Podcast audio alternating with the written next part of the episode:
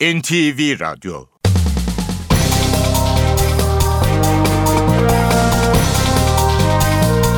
İşe Giderken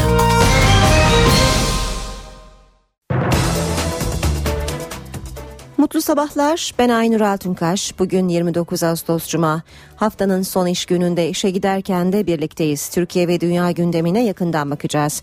Önce gündemin başlıkları.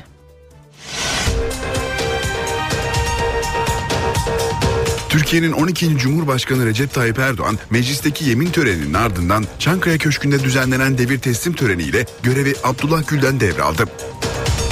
Cumhurbaşkanı Erdoğan yeni hükümeti kurma görevini AK Parti'nin yeni genel başkanı Ahmet Davutoğlu'na verdi. Davutoğlu yeni kabine listesini bugün Erdoğan'ın onayına sunacak.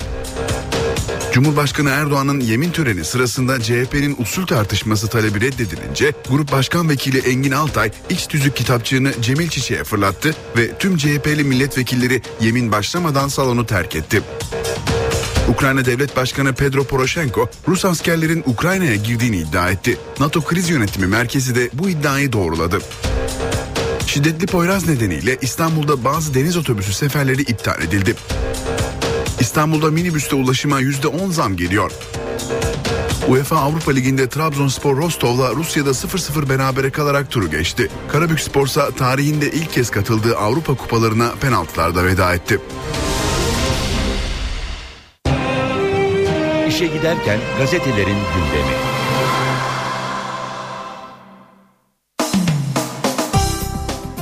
Türkiye Cumhuriyeti'nin 12. Cumhurbaşkanı Recep Tayyip Erdoğan dün görevine resmen başladı. Dün Ankara'da yaşananlar bugün gazetelerin manşetlerinde.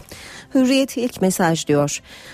12. Cumhurbaşkanı Erdoğan mecliste and içtikten sonra gittiği Anıtkabir'de özel deftere Aziz Atatürk diye başlayıp şu mesajı okudu. 1938'deki vefatınızdan sonra Cumhurbaşkanı makamıyla Cumhur arasında zayıflayan bağ şimdi yeniden kuruldu.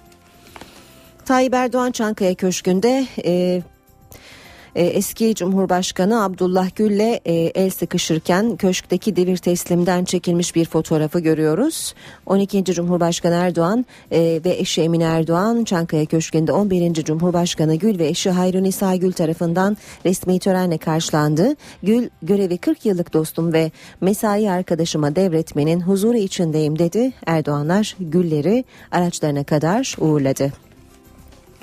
Güle Şeref Madalyası törene katılan tüm davetlileri kapıda karşılayan Abdullah Gül Çankaya Köşkü'ne gelişinde 12. Cumhurbaşkanı Erdoğan'la önce baş başa görüştü ardından görev devir teslim töreni düzenlendi. Konuşma yapan Gül ve Erdoğan birbirlerine sıcak mesajlar verdi. Devir teslim töreni Erdoğan'ın Gül'e Devlet Şeref Madalyası takdim etmesiyle sona erdi. Erdoğan Gül'ü köşkten askeri törenle uğurladı. Yeni hükümet bugün tamam. Köşke dün 22'de çıkarak Erdoğan tarafından hükümeti kurmakla görevlendirilen Ahmet Davutoğlu'nun bugün hem yeni kabineyi hem de partinin yeni yönetimini açıklaması bekleniyor. CHP'li Altay kürsüye doğru iç tüzük fırlattı. Meclis Başkanı Cemil Çiçek usul tartışması için söz isteyen CHP Grup Başkan Vekili Engin Altay'a söz vermedi. Altay kürsüye doğru iç tüzük kitapçığını fırlattı. Ardından protestolarla salonu terk etti. Töreni balkondan izleyen Bilal Erdoğan da CHP'lileri eliyle işaret ederek tepki gösterdi. Yalana tanıklık etmem. CHP lideri Kılıçdaroğlu Tayyip Erdoğan'ın meclisteki yemin törenine katılmamasının gerekçesini şöyle açıkladı. Anayasayı açıkça çiğneyen birisinin anayasaya sadakat yemini ne kadar inandırıcıdır? Ben yalana tanıklık etmeyeceğim. Bir yalana tanıklık etmek yalanı meşrulaştırmak anlamına gelir. Bu benim tarihe karşı sorumluluğumdur. Milliyet gazetesinde de manşet Cumhur'a söz. 12. Cumhurbaşkanı Tayyip Erdoğan görevi devraldı. Yeni Anıtkabir özel defterine neler yazdığını Milliyet gazetesi manşetinden veriyor. Ülkemiz, vatanımız, devletimiz ve bayrağımız için daha çok çalışacağıma dair aziz milletime söz veriyorum. Çankaya'da kardeşlik vurguları hem e, baş, e, yeni Cumhurbaşkanı Erdoğan hem de eski Cumhurbaşkanı Gül'ün devir teslimde birbirlerine e, yönelik yaptığı açıklamalar Milliyet gazetesinde de yer alıyor. Devam edelim e, Milliyet'ten haberler aktarmaya. Savcı köpek tutuklattı. Bursa'da Golden Retriever cinsi köpek tehlikeli olduğu gerekçesiyle gece yarısı sahibinden alınıp ilçe emniyet müdürlüğünün bahçesinde bekletildi. Daha sonra hayvan barınağına teslim edildi. Tarçın isimli köpeğe sahibinin komşusu savcı OK'nin şikayeti üzerine el konuldu. Me- Volkan'a 3 maç Melo cezası Fenerbahçeli Volkan'a Melo'yu hedef alarak söylediği belediye gereksiz sokak köpeklerini zehirlesin sözleri nedeniyle 3 maç ceza verildi. Süper Kupa'daki olaylar nedeniyle Galatasaray 250 bin Fenerbahçe'de 120 bin lira ödeyecek. Galatasaray'a dişli rakipler Şampiyonlar Ligi kuralları dün çekildi. Temsilcimiz Galatasaray ön elemede Beşiktaş'ı saf dışı bırakan İngilizlerin güçlü takımı Arsenal 2 yıl önce kupada final oynayan Alman ekolünün temsilcisi Borussia Dortmund ve Belçika Ligi'nin son şampiyonu Anderlecht ile eşleşti. Sarı Kırmızılar 16 Eylül'deki ilk maçta Anderlecht'i Türk Telekom Arena'da ağırlayacak. Geçelim Sabah gazetesine. Büyük Türkiye'nin kapıları açıldı demiş sabahta manşette. Cumhurbaşkanı Erdoğan Çankaya'daki devir teslimde yeni dönemin ilk müjdesini verdi. Erdoğan yağmur çamur demeden hep birlikte yeni Türkiye'yi inşa yolunda yürüyeceğiz dedi. Habertürk gazetesine bakalım. Erdoğan dönemi diyor Habertürk'te. 12. Cumhurbaşkanı Erdoğan görevi Çankaya'da törenle devraldı. Halkın seçtiği ilk Cumhurbaşkanı olan Erdoğan meclisteki yemin sonrası Anıtkabir'e gitti. Özel deftere bugün Büyük Türkiye ruhunun, özünün, hayallerinin dirildiği gün diye yazdı. Devam edelim yine Habertürk'ten bir diğer başlıkla. Nakil çilesi. Çocukları kilometrelerce uzaktaki okullara yerleşen velilerin TEOK çilesi sürüyor. Devletten özele nakil yapılamadığından kontenjan yok. Bu nedenle devlet liseleri arasında nakil de yapılamıyor. Cumhuriyet gazetesine bakalım. Eşli çocukluğu ince mesajlar demiş Cumhuriyet. Erdoğan ve Gül Çankaya'daki devir teslimde kılıçları çekti deniyor. Türk halkı tarafından 12. Cumhurbaşkanı seçilen Sayın Erdoğan'la 40 yıla yakın dava arkadaşlığımız, dostluğumuz var. Partimizi beraber kurduk. Çocuklarıma, kardeşlerime, arkadaşlarıma, bütün görevlerim sırasında bana söz getirmedikleri için teşekkür ederim. Devlet hayatında bizlerin eşlerinin de görevleri oluyor. Her türlü titizliği gayreti gösterdi. Uyum içinde çalıştığım yasama, yürütme ve yargı mensuplarına teşekkür ediyorum dedi. 11. Cumhurbaşkanı Abdullah Gül. Erdoğan ise 2000 yıllık tarihte ilk 2000 yıllık Türk tarihinde ilk kez devletin başındaki isim milletin sandığa gidip tercih yapmasıyla seçilmiştir. Halkın seçtiği ilk cumhurbaşkanının göreve başladığı bugün Türkiye'nin küllerinden doğduğu yeni Türkiye'nin inşa sürecinin güç kazandığı gündür.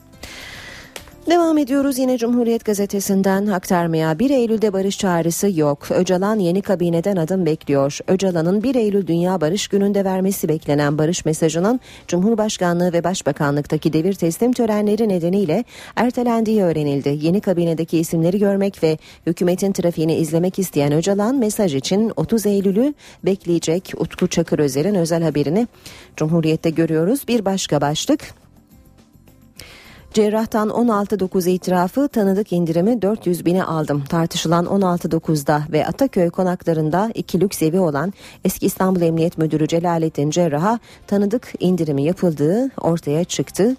En sıradan dairelerin satış fiyatının 1 milyon liradan başladığı Zeytinburnu'ndaki lüks konutlardaki ev cerraha 400 bin liraya verilmiş deniyor haberde.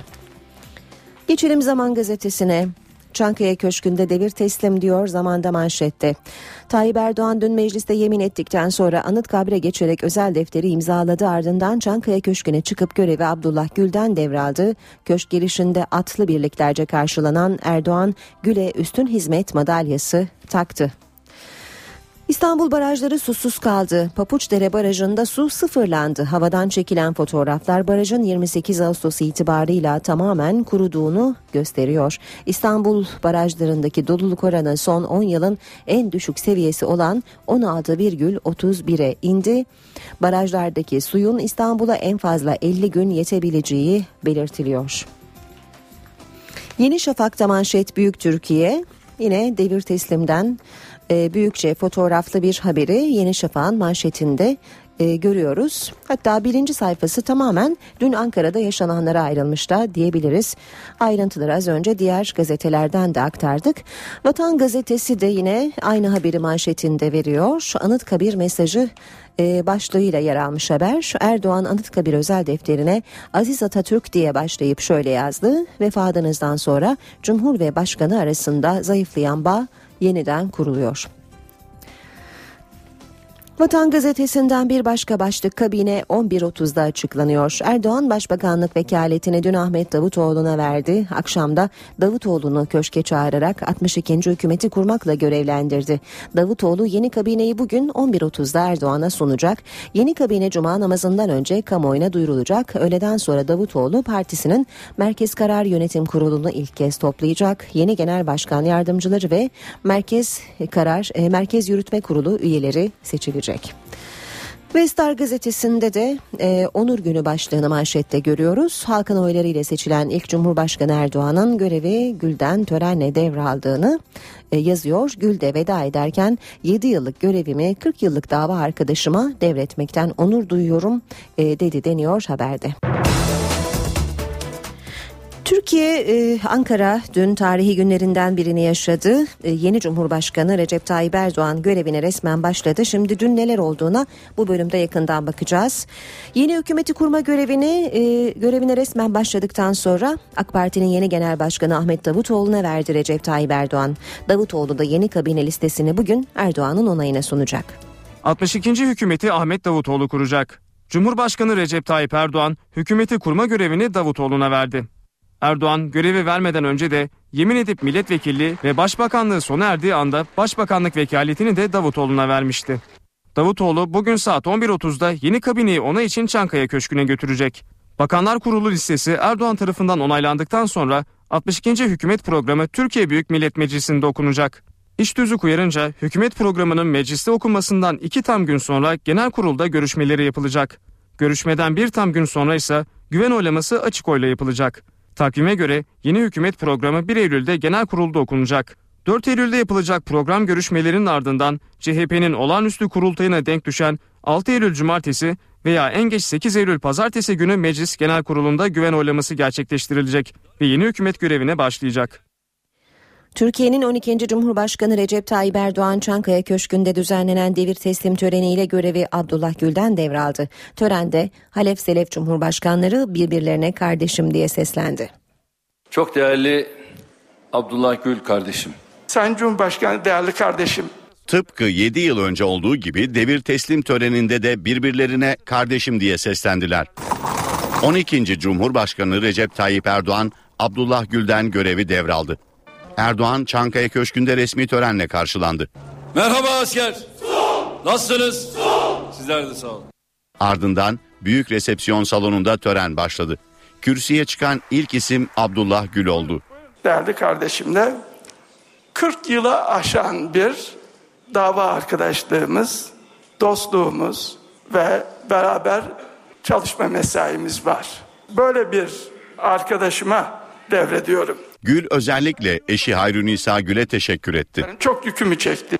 Özellikle de siyasi hayatımın ilk 10 yılında hiç eve uğramadığımız dönemlerde çocuklar hep ona emanet etti ve çocuklar o yetiştirdi. Türkiye'nin 12. Cumhurbaşkanı Recep Tayyip Erdoğan'ın konuşmasında ise yeni Türkiye vurgusu vardı. Bugün kapanan dönem eski Türkiye dönemidir. Kapıları ardına kadar açılan yeni dönem ise Cumhuriyetimizin ilk yıllarındaki öz ve ruhu taşıyan yeni Türkiye, büyük Türkiye dönemidir. Erdoğan Gül'e de uzun yürüyüşteki yol arkadaşım diye seslendi. 11. Cumhurbaşkanımızla hani bizim bir şarkımız var. Beraber yürüdük biz bu yollarda. Biz bu yollarda yağmur demeden, karkış demeden beraber yürüdük. Ve inşallah şimdi de yeni Türkiye'nin inşası ve ihyası yolunda yine bir beraber bu yolda yürüyeceğiz. Konuşmaların ardından Erdoğan Gül'e devlet şeref madalyası takdim etti. Törene 90'ı aşkın yabancı konuğun yanı sıra Erdoğan'ın çocukları ve torunu da katıldı. Törenin sonunda Erdoğan çifti Gül çiftini köşkten uğurladı. Çankaya'daki devir teslim töreninden önce Erdoğan, Türkiye Büyük Millet Meclisi'nde mazbatasını aldı ardından yemin etti. CHP, Erdoğan'ın yemin töreninden önce genel kurul salonunu terk etti. MHP ise tam kadro törene katıldı. Cumhurbaşkanı Erdoğan, meclisten Cumhurbaşkanlığı forsu taşıyan makam aracıyla Anıtkabir'e geçti. Namusum ve şerefim üzerine and içerim.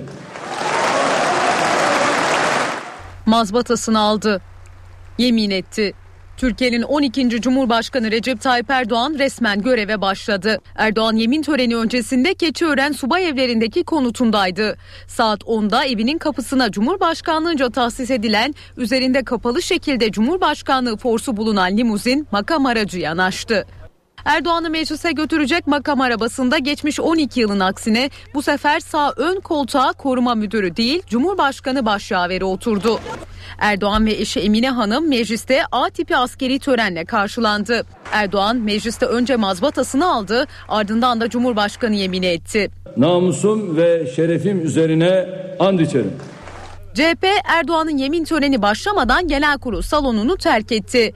MHP ise tam kadro törene katıldı. Genel kurul salonunda MHP Manisa Milletvekili Erkan Akçay hariç herkes ayaktaydı.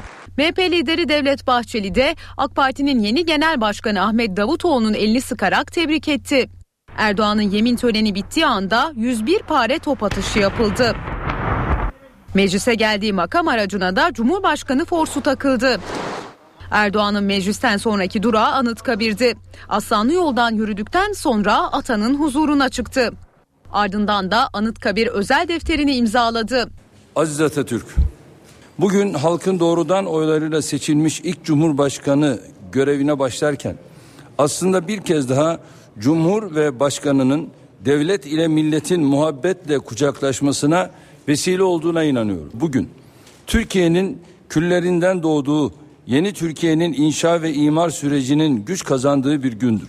Cumhurbaşkanı Erdoğan'ı Anıtkabir'den ayrılışında vatandaşlar karşıladı. Vatandaşlar ellerinde Türk bayraklarıyla Türkiye'nin 12. Cumhurbaşkanı selamladı.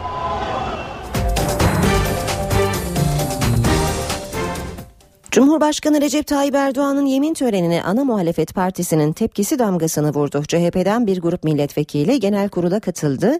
Ancak CHP'nin usul tartışması talebi reddedilince Grup Başkan Vekili Engin Altay iç tüzük kitapçığını Cemil Çiçek'e fırlattı. Tüm CHP'li milletvekilleri yemin başlamadan salonu terk etti. Erdoğan'ın Cumhurbaşkanı yemin töreni için toplanan Meclis Genel Kurulu'nda CHP Grup Başkan Vekili Engin Altay usul tartışması açılmasını istedi.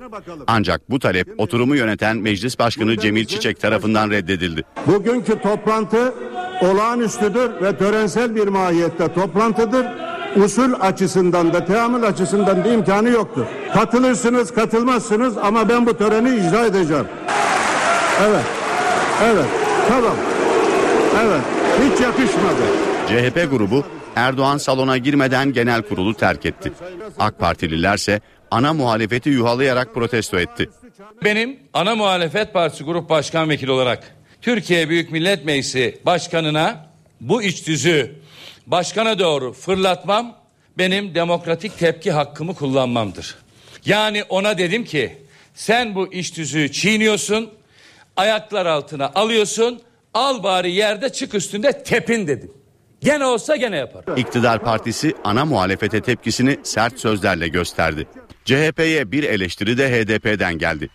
HDP eş genel başkanı Selahattin Demirtaş, böylesine bir günde protesto veya katılmama gibi bir tavır anlaşılırdır. Parti kararı olarak yapmışlarsa ona saygı duyarız. Ama kitapçık fırlatma nezaket ötesi bir durumdur dedi. CHP'ye Kültür ve Turizm Bakanı Ömer Çelik'ten de tepki geldi. Bakan Çelik CHP'yi yemin törenini sabote etmeye çalışmakla suçladı. Hayatımda gördüğüm en utanç verici hadiselerden bir tanesi. Yani bu o kitapçıyı fırlatması, böyle bir töreni ki bunun duyumlarını arkadaşlarımız almıştı. Programlayarak ve planlayarak sabote etmek istemeleri artık siyasi değerlendirme konusu değildir. Bu bir psikiyatrik değerlendirme konusudur. Burada kurumsal bir travmatik kişilikle karşı karşıyayız biz. Bu olsa olsa bir siyasi parti kavramıyla da çelişen bir şey. Yani ortaya bir siyasi tutum koyamıyorsunuz. Bakın skalaya vurduğumuz zaman bu süreç içerisinde MHP'nin eleştirileri Sayın Cumhurbaşkanımız seçilirken Cumhuriyet Halk Partisi'nden daha sertti. Ama buna rağmen devlet geleneklerine saygı, devlet kurumlarının işleyişinin gerekliliğini bilincinde olması sebebiyle Sayın Bahçeli ve MHP grubu oraya geldi. HDP de oraya geldi. Şimdi gelebilir Cumhuriyet Halk Partisi ondan sonra yine eleştirilerini sürdürür. Yine protesto eder. Yine siyasi tutum olarak karşı çıkabilir. Ama bugün yapılan şeyin adı sadece bir sabotaj faaliyetidir bu. Cumhurbaşkanı Recep Tayyip Erdoğan devir teslim töreninin ardından Çankaya Köşkü'ndeki ilk resepsiyonunu verdi. Resepsiyonda konuklarıyla tek tek ilgilenen ve hatıra fotoğrafı çektiren Erdoğan siyasi mesaj vermekten kaçındı. Recep Tayyip Erdoğan Türkiye'nin 12. Cumhurbaşkanı olarak Çankaya Köşkü'ndeki ilk resepsiyonuna ev sahipliği yaptı. Erdoğan devir teslim töreninin hemen ardından törene katılan konuklarla bir araya geldi. Resepsiyona yabancı devlet ve hükümet başkanlarının yanı sıra Cumhurbaşkanı Erdoğan'ın ailesi, Meclis Başkanı, Genelkurmay Başkanı ve kuvvet komutanları, Bakanlar Kurulu üyeleri, Diyanet İşleri Başkanı, AK Parti ve HDP milletvekilleri, dini temsilciler, şehit aileleri ve gazilerle medya ve sivil toplum kuruluşlarının temsilcileri katıldı. HDP milletvekillerinin Erdoğan'a yoğun ilgisi vardı. Cumhurbaşkanı HDP'lilerle uzun uzun sohbet etti. Ağrı Belediye Başkanı Sırrı Sakık, Cumhurbaşkanı Erdoğan'ı Ağrı'ya davet etti ve ziyaret sözü aldı. HDP'li milletvekilleri AK Parti'nin yeni genel başkanı Ahmet Davutoğlu'yla da bir araya geldi. Devir teslim töreni için gelen yabancı konukların da Davutoğlu'na ilgisi yoğundu. Resepsiyona katılan isimlerden biri de meclisteki özel oturumu yöneten Meclis Başkanı Cemil Çiçek'ti. Çiçek, CHP'nin yemin törenindeki tavrını eleştirdi. Doğru olmadı, üzüldüm ifadelerini kullandı. MHP'nin ise olgun bir tavır sergilediğini söyledi. Cumhurbaşkanı Recep Tayyip Erdoğan yabancı ülke devlet ve hükümet başkanları onuruna bir yemek de verdi. CHP Genel Başkanı Kılıçdaroğlu Erdoğan'ın meclisteki yemin törenine katılmama nedenini açıkladı. Bundan böyle Recep Tayyip Erdoğan anayasa ve hukuka gösterdiği sadakat ölçüsünde bizden saygı görecektir dedi. CHP lideri belediye meclis üyelerinin eğitim toplantısında konuştu. Anayasaya sadakat yemin edecek anayasayı açıkça çiğneyen birisinin anayasaya sadakat yemini ne kadar inandırıcıdır? Şunu söyledim. Ben yalana tanıklık etmeyeceğim. Bundan böyle Recep Tayyip Erdoğan anayasaya ve hukuk devletine gösterdiği sadakat ölçüsünde bizden saygı gö- görecektir. Abdullah Gül devir teslim töreninin ardından Ankara'dan İstanbul'a geldi. Gül ve eşini Esenboğa Havalimanı'nda kabine temsilcileri ve çok sayıda vatandaş uğurladı. Gül veda ederken duygusal anlar yaşandı. 11. Cumhurbaşkanı ve eşi Ankara'ya veda etti. İstanbul'a gitmek için Esenboğa Havalimanı'na gelen Gül çiftini kalabalık bir vatandaş grubunun yanı sıra çok sayıda bakan ve milletvekili uğurladı. Başbakan yardımcıları Bülent Arınç, Ali Babacan, Enerji Bakanı Taner Yıldız, AK Parti sözcüsü Hüseyin Çelik ve Genel Başkan Yardımcısı Mehmet Ali Şahin de Gül'ü uğurlamaya gelenler arasında yer aldı. Gül ailesi Cumhurbaşkanlığına ait uçağa binerken duygusal anlarda yaşandı. Gül'ün bazı yakın korumalarının gözyaşlarını tutamadığı görüldü. Abdullah Gül'ü İstanbul Atatürk Havalimanı'nda Kayserili hemşerileri pankartlarla karşıladı.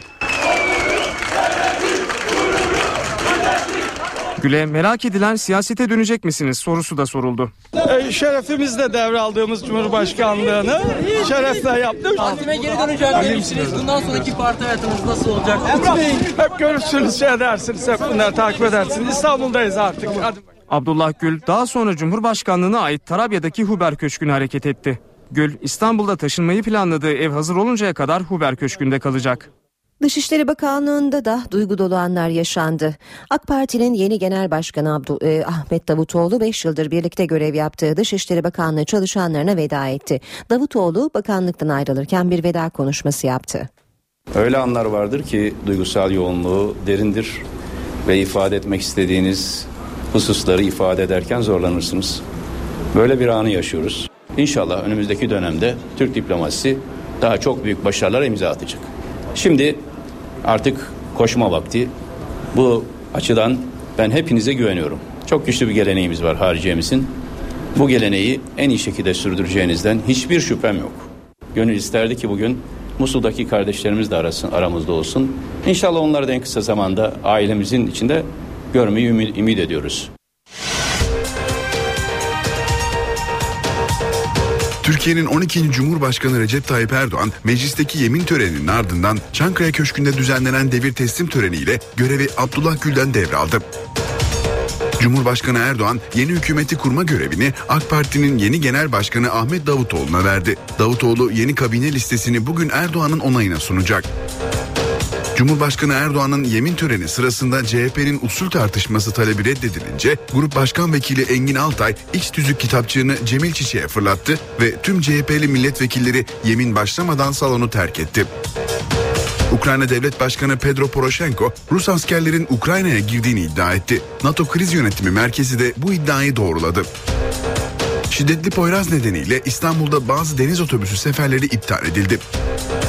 İstanbul'da minibüste ulaşıma %10 zam geliyor.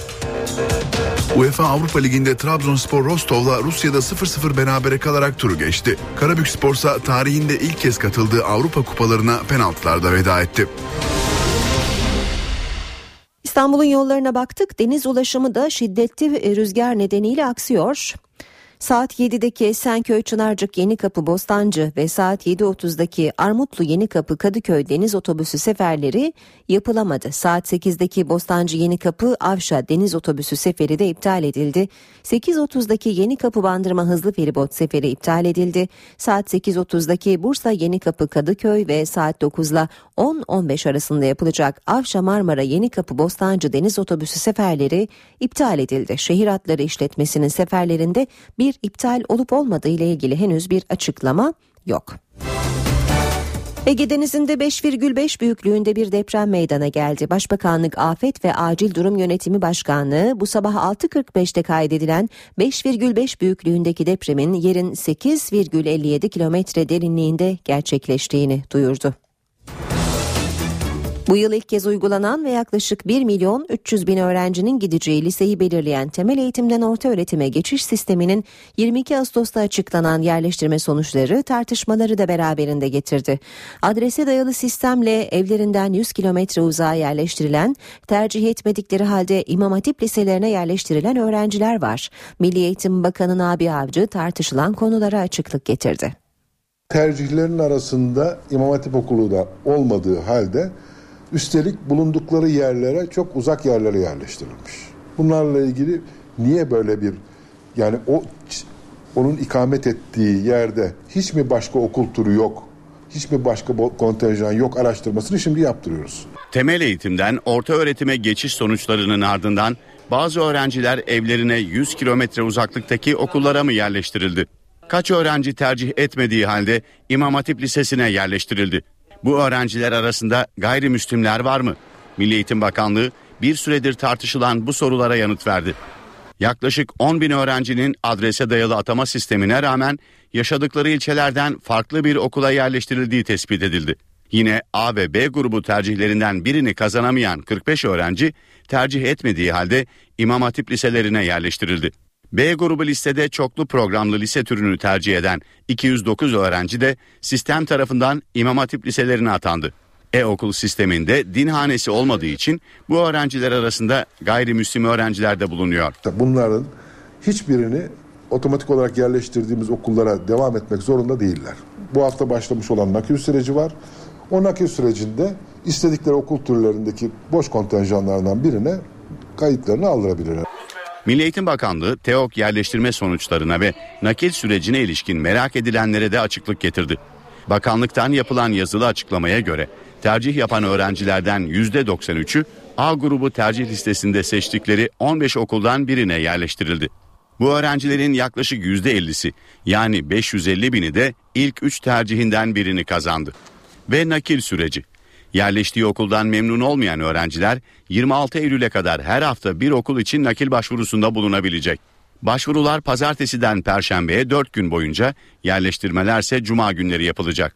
O hafta boş kalan kontenjanlar yine cuma günü ilan edilecek ve öğrenciler bir sonraki hafta bu kontenjanlar doğrultusunda yeniden tercih yapacak.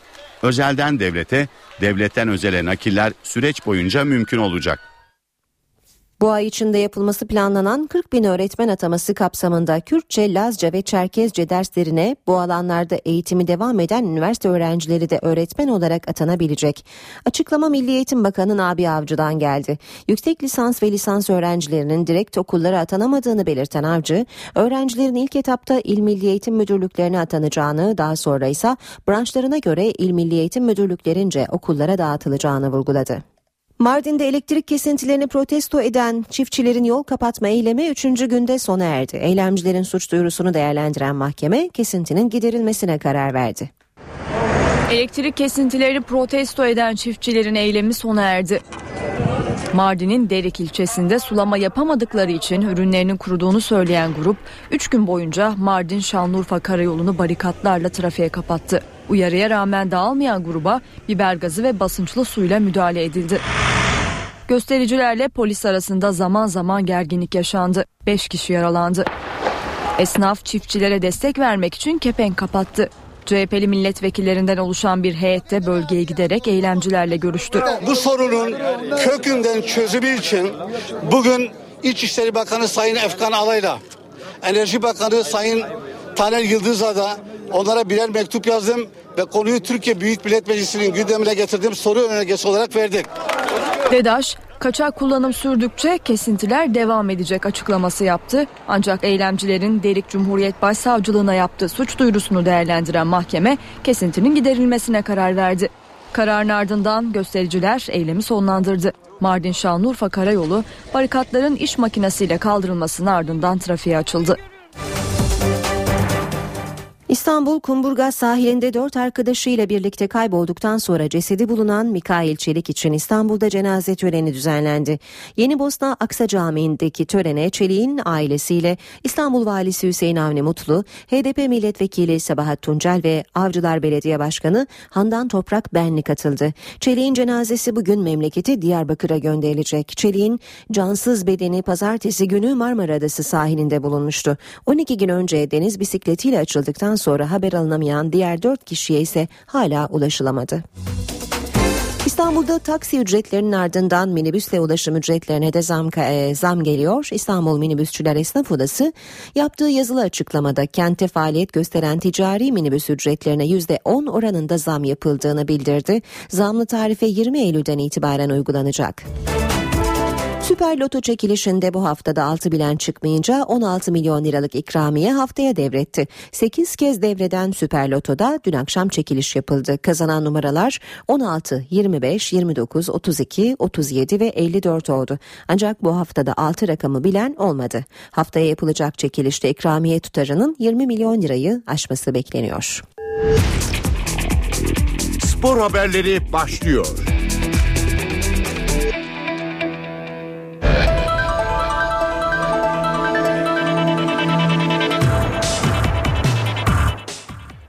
Günaydın spor gündeminden gelişmelerle birlikteyiz. Trabzonspor UEFA Avrupa Ligi'nde ikinci kez gruplara kaldı. Rusya'nın Rostov takımı karşısında ilk maç 2-0 galip gelen Bordo Maviller deplasmanda aldığı golsüz beraberlikle rakibini eledi.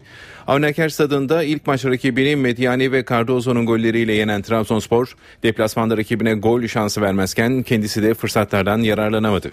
90 dakikası 0-0 tamamlanan maç sonunda Bordo Mavili takım gruplara katılma hakkı elde etti. Geçen sezon playoff turunda Arnavutluğun Kukesi takımını eleyerek tarihinde ilk kez UEFA Avrupa Ligi'ne gruplara kalan Trabzonspor ardarda arda iki sezon aynı başarıyı yakaladı. Temsilcimizin UEFA Avrupa Ligi'nde yer alacağı grup ve rakipleri bugün Monaco'da çekilecek kura ile belli olacak.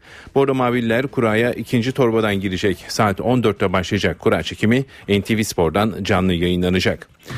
Trabzonspor Teknik Direktörü Vahit Halilovic maçtan sonra yaptığı değerlendirmede turu geçmeyi hak ettiklerini söyledi. Benim takımım için zor bir müsabaka oldu. On savait que l'équipe de Rostov a poussé beaucoup. Rostov takımının her şeyi deneyeceğini, zorlayacağını biliyorduk. Ils ont eu plus de possession vraisemblablement de ballon. Ve toka, topla e, bizden daha fazla hakim oldukları e, bariz belli. Je pense mon équipe il était très bien organisé défensivement. Ama benim takımım defansif anlamda çok güzel organize oldu. On n'a pas permis de développer leur jeu et, et, au contre-attaque. Kontratakta oyun kurmalarını engelleyebildik. Même s'ils ont dominé. Bariz e, oyun kontrolü onlarda olmuş olsa bile On a créé beaucoup plus d'occasions nettes. biz de net fırsatlar e, kaçırdık. Et c'est pas normal de ce type de match qu'on marque au moins 2-3 buts. Ve bu tarz maçlarda en az 1-2 gol e, atmalıydık. Bunları kaçırmamız e, biraz normal bir durum değil. Et, mais on est venu pour, pour qualification. Ama turu geçmek için gelmiştik. Je pense notre qualification est tout à fait méritée. Ve turu geçmemiz gayet normal. Et je vous félicite à mes joueurs. Ve oyuncularımı e, tebrik ediyorum. Tekrar te- tebrik ediyorum. Turu geçmeyi biz hak ediyorduk. Diğer temsilcimiz Karabükspor tarihinde ilk kez katıldığı Avrupa kupalarına dramatik bir şekilde veda etti. Kırmızı Mavililer 1-0 kazandı. İlk maçın rövanşında 90 dakikayı ve uzatmaları 1-0 geride kapattı ve maç penaltılara gitti. Fransız ekibi penaltılarda 4-3 üstünlük sağladı ve Karabükspor UEFA Avrupa Ligi defterini kapattı. Karabükspor Teknik Direktörü Tolunay Kafkas penaltılardaki avantajlarını kullanamadıklarını söyledi. Saint Etienne maçının ardından konuşan Kafkas gelecek senelerde mutlaka gruplarda yer alacaklarını dile getirdi.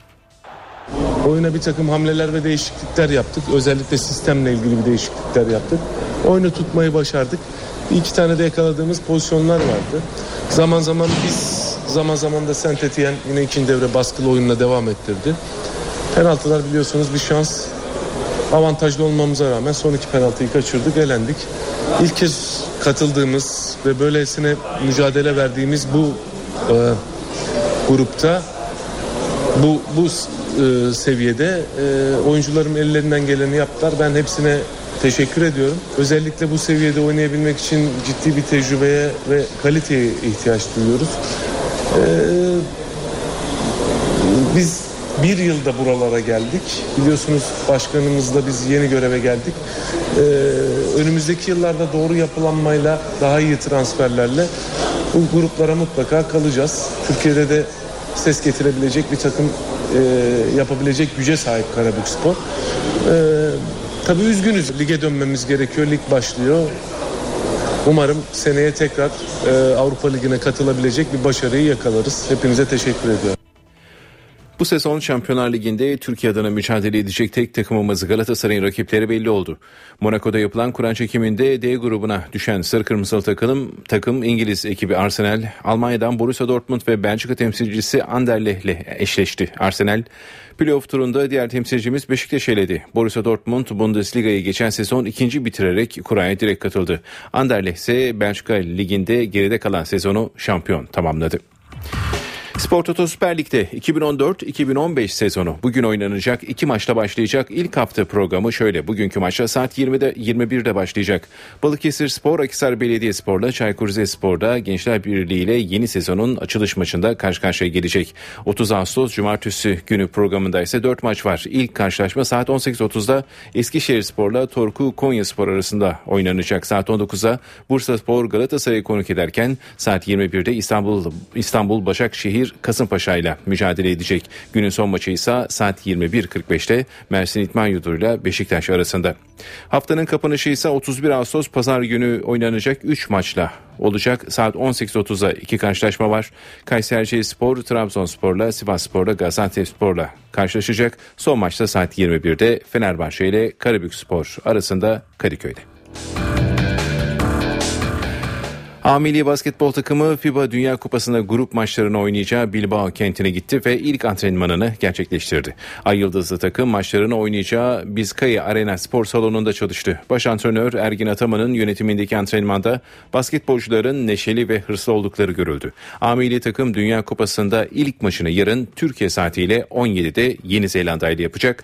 Karşılaşma NTV Radyo'dan naklen yayınlanacak. Bu haberimizle spor bültenimizi tamamlıyoruz. İyi günler diliyoruz. NTV Radyo Herkese yeniden günaydın. Cumhurbaşkanlığına seçilen Recep Tayyip Erdoğan görevine resmen başladı. Genel kuruldaki yemin töreninde CHP'nin protestosu vardı. Davutoğlu kabine listesini bugün köşke sunacak. Ayrıntılar birazdan ama önce hava durumu.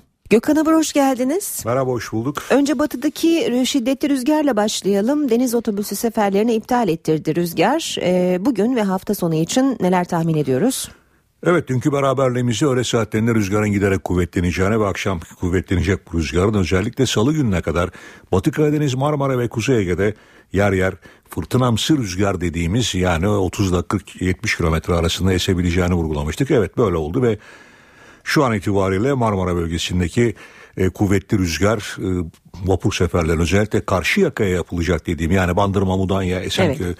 bölgesine yapılacak deniz otobüs seferlerinin iptaline sebep oldu.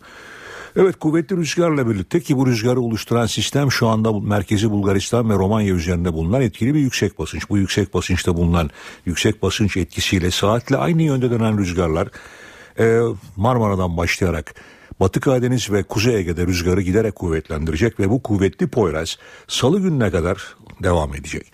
Yani hafta sonunu Batı Karadeniz, Marmara ve Kuzey Ege'de yaşayanlar rüzgarlı ve serin bir havada geçirecekler. Tabi kuvvetli rüzgar ve Balkanlar üzerinden gelen sisteme bağlı olarak havayı serinletti sıcaklıklar Trakya'dan başlayarak dün azalmaya başlamıştı. Bugün 5-6 derece azaldı ve bu serin hava Bugün olduğu gibi hafta sonunda etkisini sürdürecek. Rüzgarın zayıflamasıyla birlikte salı gününe itibaren sıcaklıkların yeniden birkaç derece yükselmesini bekliyoruz. Özellikle sıcaklığın azaldığı Marmara, Batı Karadeniz ve Kuzey Ege'de. Evet yağışlar ara vermişti ama dün akşamdan itibaren yine doğu kesimlerde yağışlar başladı. Sabah erken saatler itibariyle özellikle Giresun'dan başlayarak Artvin'e kadar olan bölgedeki Trabzon'da daha kuvvetli olmak üzere aralıklı yağışlar vardı. Yine gece saatlerinde Karabük Kastamonu arasında ve Bolu civarında hafif hatta sabah erken saatlerde yağış vardı son ölçümlere göre. Ee, doğudaki yağışlar devam edecek. İlerleyen saatlerde göller bölgesi dediğimiz Burdur Isparta'da yağış başlayacak. Ankara'da bugün sağanak yağış bekliyoruz. Ankara'da sıcaklıklar düne göre azaldı. Bugün Ankara'daki sıcaklıklar en fazla 28-29'lara kadar çıkabilecek. İstanbul bugün en fazla 27 derece olacak. Rüzgardan dolayı hissedilen sıcaklık ise 25 derece. İzmir'de de rüzgarlar serinleşmeye devam ediyor. Orada sıcaklıklarda birkaç derecelik azalış var ve İzmir'de bugün beklediğimiz en yüksek sıcaklık 31-32 dereceleri geçemeyecek. Rüzgar öğle saatlerinde Çeşme'de yine Poyraz'dan sert esmesini sürdürecek. Akdeniz boyunca özellikle Burdur Isparta'daki yağışların Antalya'yı da etkisi altına almasını bekliyoruz. Antalya civarında da Burdur Isparta Antalya arasında yerel kısa süreli yağışlar görülecek ve sıcaklık bugün orada da birkaç derece azaldı ve 30-31 dereceyi geçemeyecek. Doğu ve Güneydoğu'da yüksek sıcaklıklar etkisini sürdürürken doğudaki yağışların da özellikle Erzurum, Kars, Ardahan arasında gün içinde aralıklarla devam etmesini bekliyoruz. Hafta sonu yağışlar biraz daha doğuya çekilecek ve Pazar günü hafif de olsa bölgedeki yağışlar aralıklarla devam evet. edecek. Evet bizleri bekleyen koşullar genelde böyle. Gökhan Abur teşekkürler. NTV Radyo Cumhurbaşkanı Recep Tayyip Erdoğan görevine resmen başladı ve yeni hükümeti kurma görevini AK Parti'nin yeni genel başkanı Ahmet Davutoğlu'na verdi. Davutoğlu yeni kabine listesini bugün Erdoğan'ın onayına sunacak. 62. hükümeti Ahmet Davutoğlu kuracak. Cumhurbaşkanı Recep Tayyip Erdoğan hükümeti kurma görevini Davutoğlu'na verdi. Erdoğan görevi vermeden önce de yemin edip milletvekilliği ve başbakanlığı sona erdiği anda başbakanlık vekaletini de Davutoğlu'na vermişti. Davutoğlu bugün saat 11.30'da yeni kabineyi ona için Çankaya Köşkü'ne götürecek. Bakanlar Kurulu listesi Erdoğan tarafından onaylandıktan sonra 62. hükümet programı Türkiye Büyük Millet Meclisi'nde okunacak. İş tüzük uyarınca hükümet programının mecliste okunmasından iki tam gün sonra genel kurulda görüşmeleri yapılacak.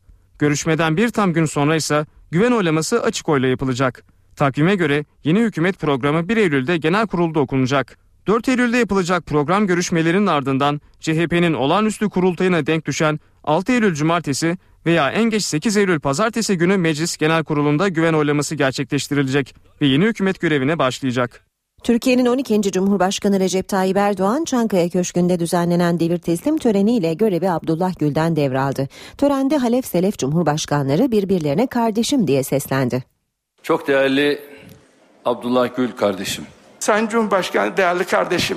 Tıpkı 7 yıl önce olduğu gibi devir teslim töreninde de birbirlerine kardeşim diye seslendiler. 12. Cumhurbaşkanı Recep Tayyip Erdoğan Abdullah Gül'den görevi devraldı. Erdoğan Çankaya Köşkü'nde resmi törenle karşılandı. Merhaba asker. Nasılsınız? Sizler de sağ olun. Ardından büyük resepsiyon salonunda tören başladı. Kürsüye çıkan ilk isim Abdullah Gül oldu. Değerli kardeşimle 40 yıla aşan bir dava arkadaşlığımız, dostluğumuz ve beraber çalışma mesaimiz var. Böyle bir arkadaşıma devrediyorum. Gül özellikle eşi Hayrunisa Gül'e teşekkür etti. Çok yükümü çekti. Özellikle de siyasi hayatımın ilk 10 yılında hiç eve uğramadığımız dönemlerde çocuklar hep ona emanet etti ve çocuklar o yetiştirdi. Türkiye'nin 12. Cumhurbaşkanı Recep Tayyip Erdoğan'ın konuşmasında ise yeni Türkiye vurgusu vardı. Bugün kapanan dönem eski Türkiye dönemidir. Kapıları ardına kadar açılan yeni dönem ise Cumhuriyetimizin ilk yıllarındaki öz ve ruhu taşıyan yeni Türkiye, büyük Türkiye dönemidir. Erdoğan Gül'e de uzun yürüyüşteki yol arkadaşım diye seslendi. 11. Cumhurbaşkanımızla hani bizim bir şarkımız var.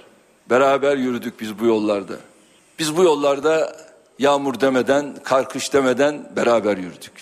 Ve inşallah şimdi de yeni Türkiye'nin inşası ve ihyası yolunda yine bir beraber bu yolda yürüyeceğiz. Konuşmaların ardından Erdoğan Gül'e devlet şeref madalyası takdim etti. Törene 90'ı aşkın yabancı konuğun yanı sıra Erdoğan'ın çocukları ve torunu da katıldı.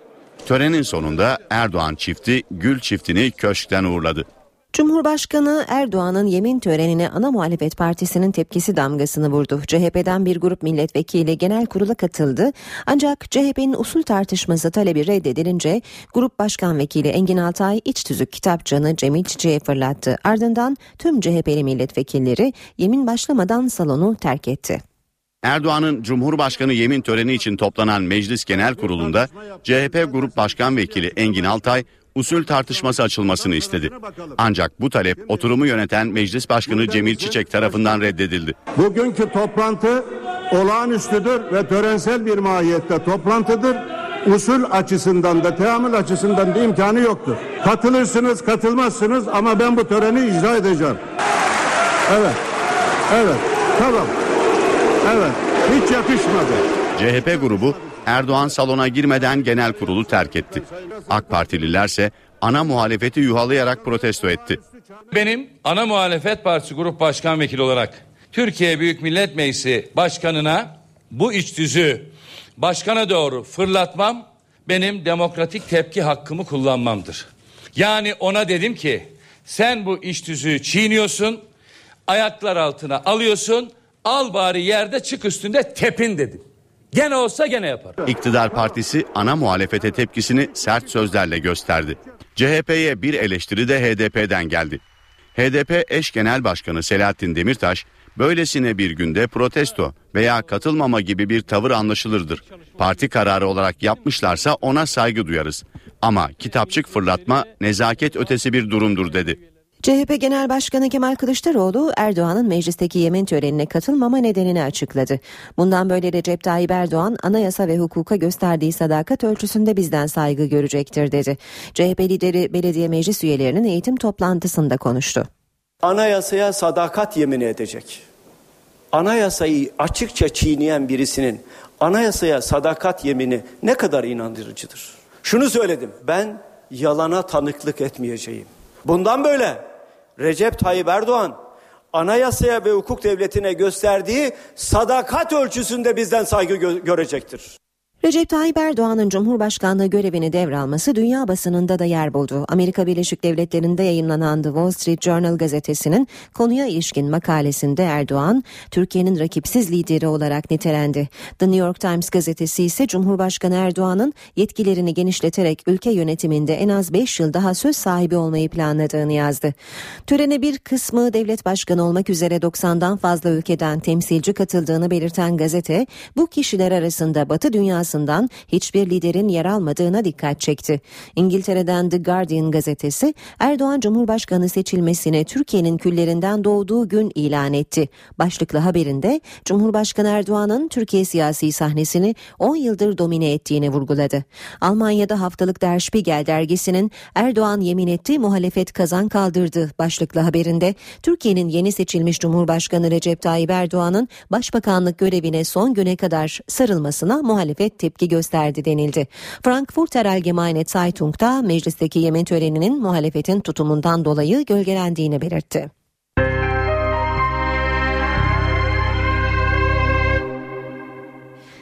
Şimdi gündemin öne çıkan diğer haberlerine kısaca bakalım. Mardin'de elektrik kesintilerini protesto eden çiftçilerin yol kapatma eylemi 3. günde sona erdi. Eylemcilerin suç duyurusunu değerlendiren mahkeme kesintinin giderilmesine karar verdi. Mardin Şanlıurfa Karayolu barikatların iş makinesiyle kaldırılmasının ardından trafiğe açıldı. İstanbul Kumburgaz sahilinde dört arkadaşıyla birlikte kaybolduktan sonra cesedi bulunan Mikail Çelik için İstanbul'da cenaze töreni düzenlendi. Törene İstanbul Valisi Hüseyin Avni Mutlu da katıldı. Çelik'in cenazesi bugün memleketi Diyarbakır'a gönderilecek. Çelik'in cansız bedeni pazartesi günü Marmara Adası sahilinde bulunmuştu. 12 gün önce deniz bisikletiyle açıldıktan sonra haber alınamayan diğer dört kişiye ise hala ulaşılamadı. TEOK sınavı sonunda oluşan yerleştirmelerdeki aksamalarla ilgili Milli Eğitim Bakanlığı'ndan bir açıklama yapıldı. Buna göre tercih yapan öğrencilerden %93'ü A grubu tercih listesinde seçtikleri 15 okuldan birine yerleştirildi. Bu öğrencilerin yaklaşık %50'si yani 550 bini de ilk 3 tercihinden birini kazandı. Yerleştiği okuldan memnun olmayan öğrenciler 26 Eylül'e kadar her hafta bir okul için nakil başvurusunda bulunabilecek. Başvurular pazartesiden perşembeye 4 gün boyunca boyunca yerleştirmelerse cuma günleri yapılacak. Özelden devlete, devletten özele nakiller süreç boyunca mümkün olacak. Bu arada bu ay içinde yapılması planlanan 40 bin öğretmen ataması kapsamında Kürtçe, Lazca ve Çerkezce derslerine bu alanlarda eğitimi devam eden üniversite öğrencileri de öğretmen olarak atanabilecek. İstanbul'da şiddetli rüzgar deniz ulaşımında aksamaya neden oluyor. Bu sabah 7'den saat 10-15'e kadar olan dış hat, feribot ve deniz otobüsü seferleri iptal edildi. İstanbul'da taksi ücretlerinin ardından minibüsle ulaşım ücretlerine de zam kararı alındı. İstanbul Minibüsçüler Esnaf Odası yaptığı açıklamada kentte faaliyet gösteren ticari minibüs ücretlerine %10 oranında zam yapıldığını bildirdi. Zamlı tarife 20 Eylül'den itibaren uygulanacak.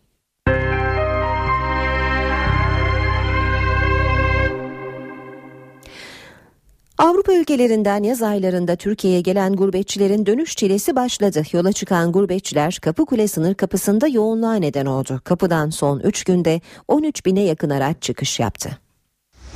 Gurbetçiler dönüş yoluna geçti. Sınır kapılarında yoğunluk arttı.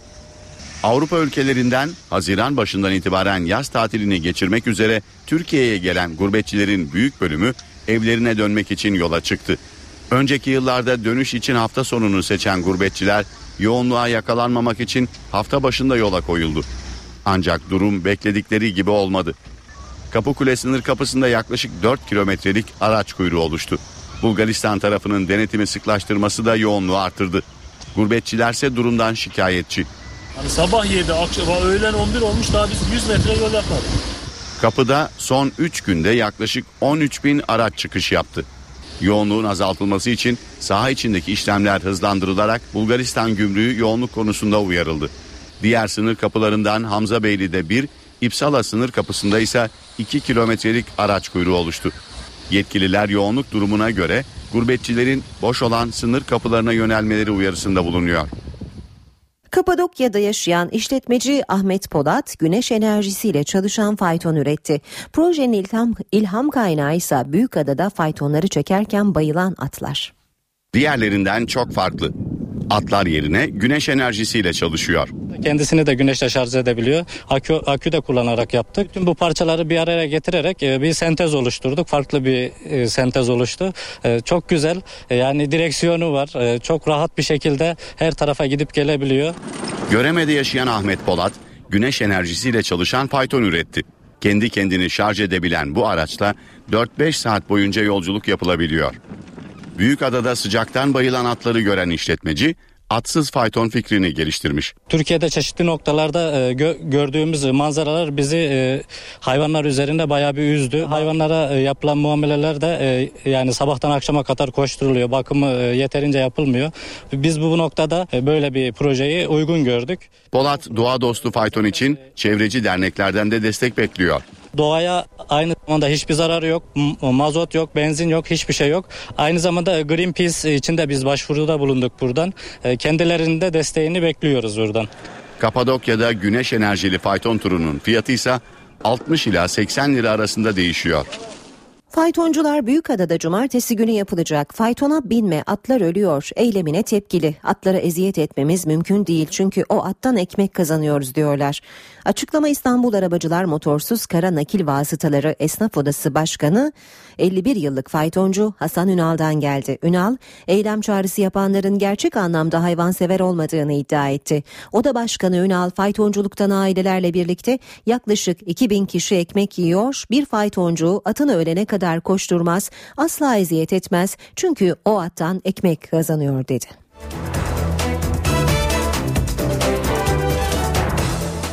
İstanbul'da barajların doluluk oranı son 10 yılın en düşük seviyesinde. Kentin en fazla 50 günlük suyu kaldı. Geçen yılın Ağustos ayında yapılan ölçümlerde baraj doluluk oranları %64,3 iken bu yılın Ağustos ayı henüz bitmemesine rağmen bu oran %16 oldu. Havadan yapılan çekimlerde İstanbul'un kuzeyinde bulunan Papuçdere Barajı'nın tamamen kuruduğu görülüyor. Papuçdere'nin yanındaki Kazandere Barajı su havzasında hayvanlar otluyor. Su seviyesinin yaklaşık 1 kilometre çekildiği büyük Büyükçekmece Gölü'nde ise eskiden balık tutulan alanlar geniş düzlükler haline geldi. Muğla'da araştırma yaparken kaybolan Alman belgeselci Bernd Girschbach'ı arama çalışmaları sürüyor. Aramaya 45 kişilik komando ekibi de katıldı. Havadan da destek verilen çalışmalarda henüz sonuç yok. Alman belgeselcinin denize düşmüş olabileceği ihtimali de değerlendirildi ve sahil güvenlik ekiplerinden yardım istendi. 58 yaşındaki Bernd Girbach salı günü eşini arayarak kaybolduğunu haber vermişti. Gazeteci Arda Uskan hayatını kaybetti. Uskan bir süredir kanser tedavisi görüyordu. Gazetecilik hayatına 1970'te Milliyet gazetesinde başlayan Uskan, ilerleyen yıllarda çeşitli dergilerde çalıştı. 1990'lı yıllarda Star TV ve ATV'de haber müdürlüğü, program yapımcılığı gibi görevlerde bulundu. 14 yıl önce yazılı basına geri dönen Arda Uskan son olarak Takvim gazetesinde yazıyordu. Arda Uskan'ın Güle Güle Bebeğim, Fareli Köyün Kavalcısı ve Köpeğin Gölgesi adlı kitapları da bulunuyor bulunuyor.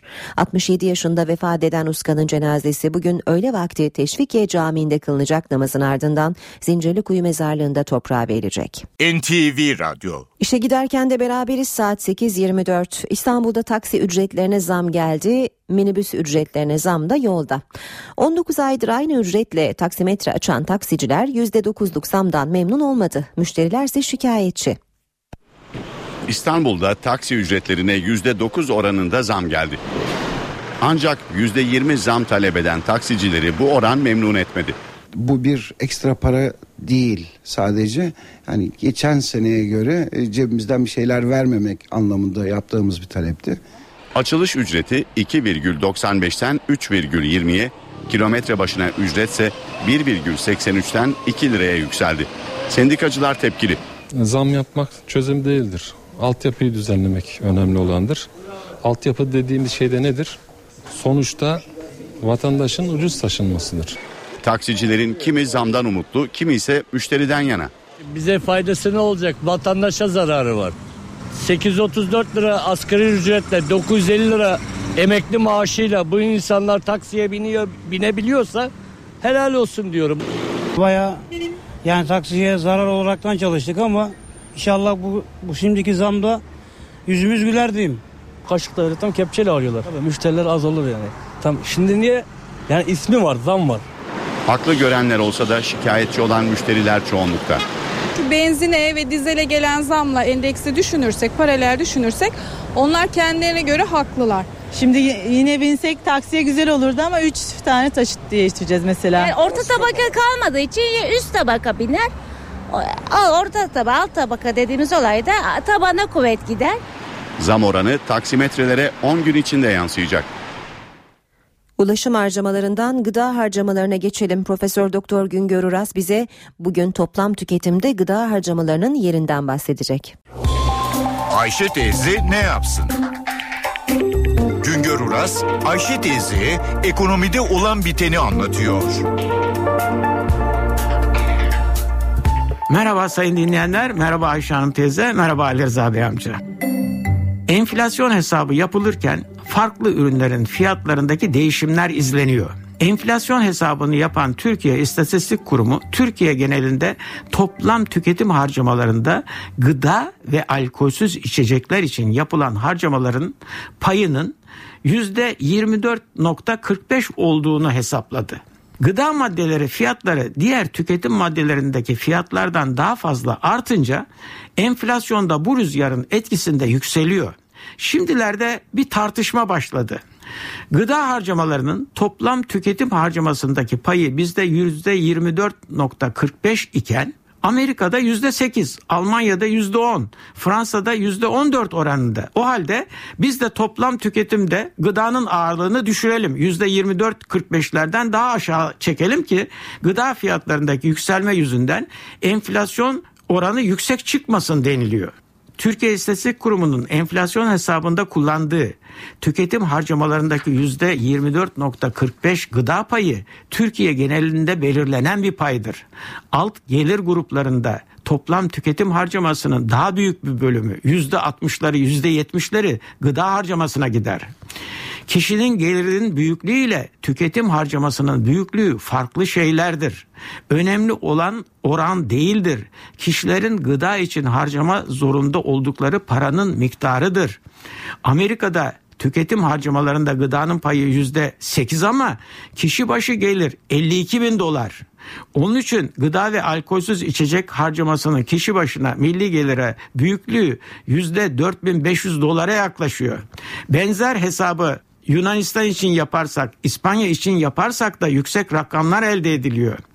Kişi başı gelirden Yunanistan'da gıdaya giden para 4500 dolar, İspanya'da giden para 5500 dolar. Bizde ise kişi başı gelirden, milli gelirden gıdaya ayrılan pay %24.45 oranına göre bile sadece 2722 dolar.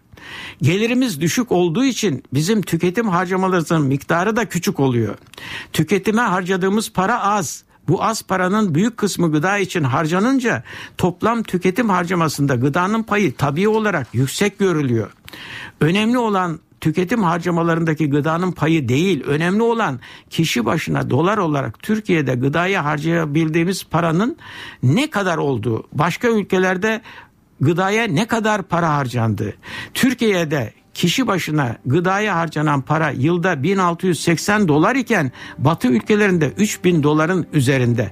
Bir başka söyleşi de birlikte olmak ümidiyle şen ve esen kalınız sayın dinleyenler.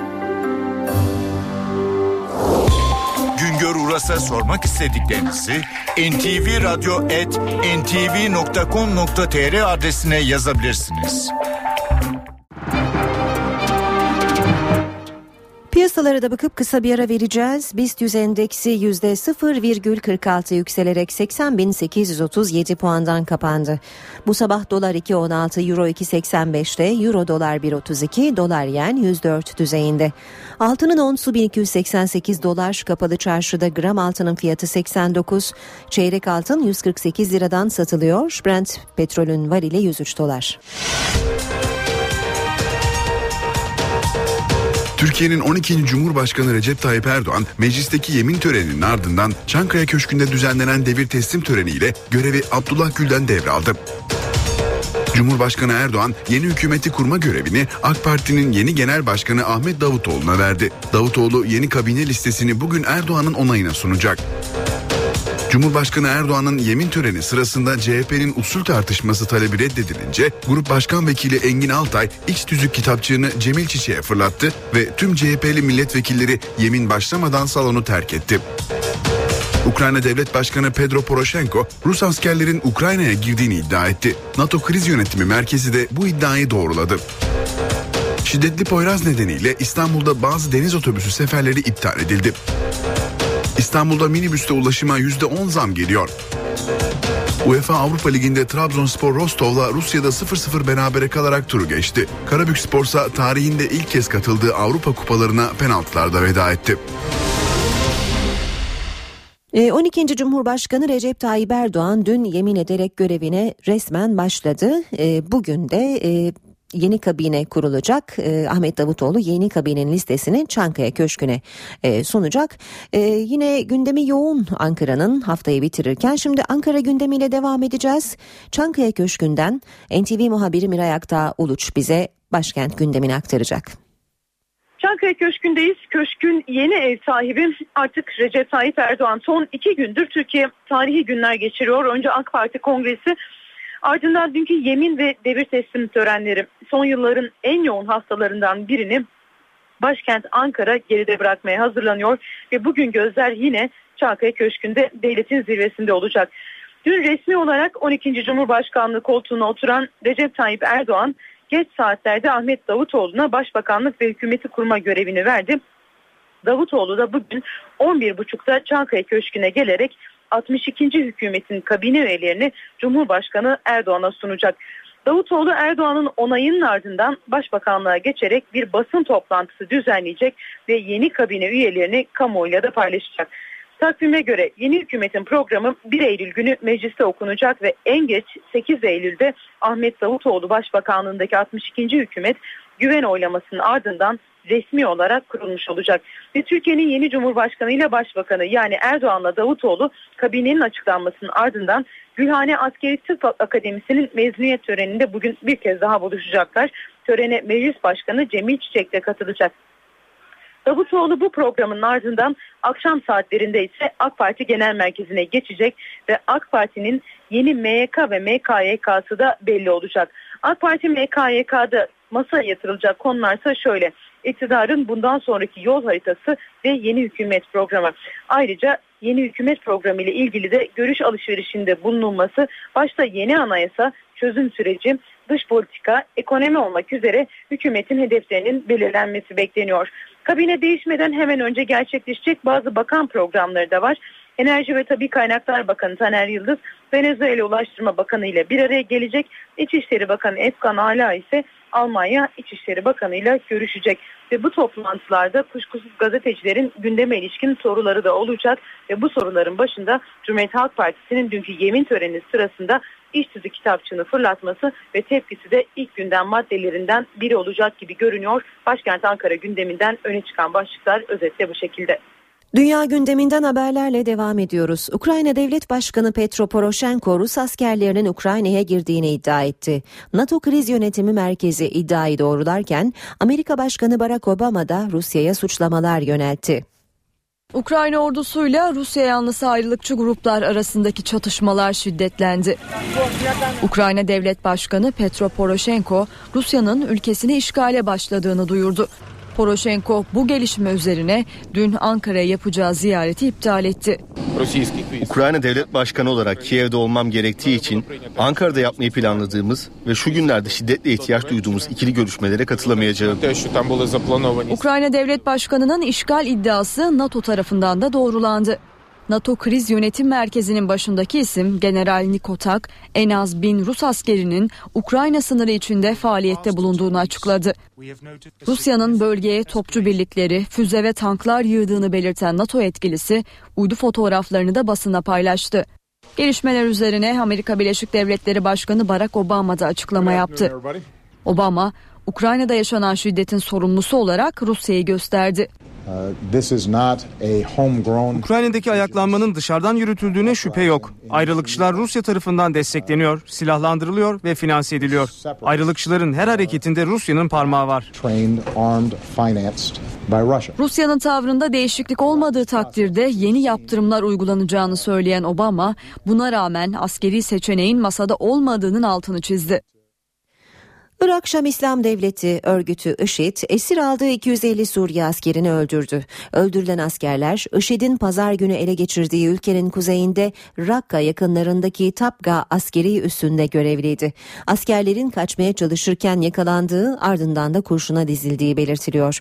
Bu arada Suriye Devlet Televizyonu Deir ez-Zur bölgesinde düzenlenen hava saldırısında 10 IŞİD militanının öldüğünü, ölenlerden ikisinin örgütün üst düzey yöneticilerinden olduğunu duyurdu.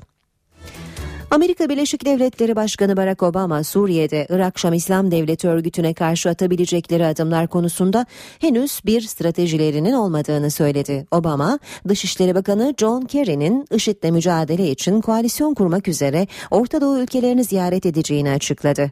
Amerika Başkanı ayrıca Savunma Bakanı Chuck Hagel'dan IŞİD'e karşı harekat planı hazırlamasını istediğini söyledi. Önceliklerinin örgütü Irak'ta ele geçirdiği bölgelerden çıkarmak olduğunu belirten Obama, ama bu hedefe ulaşmak için hem Irak hem de Suriye'deki Sünnilerle işbirliği yapmanın şart olduğunu belirtti.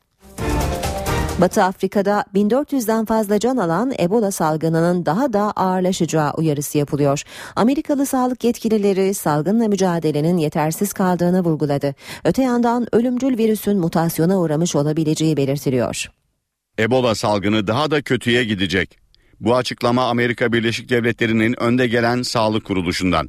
Hastalıkları Kontrol ve Önleme Merkezi Başkanı Tom Frieden, Ebola vakalarının her geçen gün arttığına dikkat çekti. Frieden, eşi görülmemiş bu salgını kontrol altına almak için eşi görülmemiş bir çaba ortaya konması gerektiğini vurguladı. Sınır tanımayan doktorlar örgütü de aynı görüşte. Örgüt salgınla mücadelenin şu ana kadar tamamıyla yetersiz kaldığı açıklamasını yaptı. Öte yandan Demokratik Kongo Cumhuriyeti'ndeki Ebola vakaları virüs mutasyona mı uğruyor sorusunu da gündeme getirdi. Alman doktorlar buradaki Ebola virüsünün Batı Afrika'da görülenden farklı olabileceğini dile getiriyor. Zira Demokratik Kongo Cumhuriyeti'nde Ebola'dan ölüm oranı %20. Batı Afrika'da bu oran %60'ı buluyor. Dünya Sağlık Örgütü'ne göre son Ebola salgınında ölenlerin sayısı 1550'yi aştı. 3000'den fazla kişi de salgından etkilenmiş durumda. Hollywood'un ünlü çifti Angelina Jolie ve Brad Pitt uzun soluklu ilişkilerini evlilikle taçlandırdı. Çiftin hafta sonu gözlerden uzakta Fransa'da düzenlenen bir törenle dünya evine girdiği açıklandı. Hollywood'un en gözde çifti artık evli. Angelina Jolie ve Brad Pitt 9 yıl süren ilişkilerinin ardından hafta sonu gizlice dünya evine girdi. Açıklamayı çiftin sözcüsü yaptı. Haber Hollywood'un gündemine oturdu. Jolie ve Pitt'in düğünü Fransa'nın güneyinde Miraval Şatosu'nda gerçekleşti. Törene sadece çiftin aileleri ve yakın arkadaşları katıldı. Jolie ve Pitt'in 6 çocuğu da törende yer aldı. Çift 2005 yılında Mr. and Mrs. Smith filminin çekimi sırasında tanışmış ve 2012'de nişanlanmıştı. Brad Pitt, Angelina Jolie için Jennifer Aniston'la 5 yıllık evliliğini noktalandırmıştı. İşe giderken haberleri paylaştık. Bugün cuma. Vizyonda yeni filmler var. Hafta sonu planlarınıza katkı yapalım programı bitirirken saat başında buluşmak üzere. NTV Radyo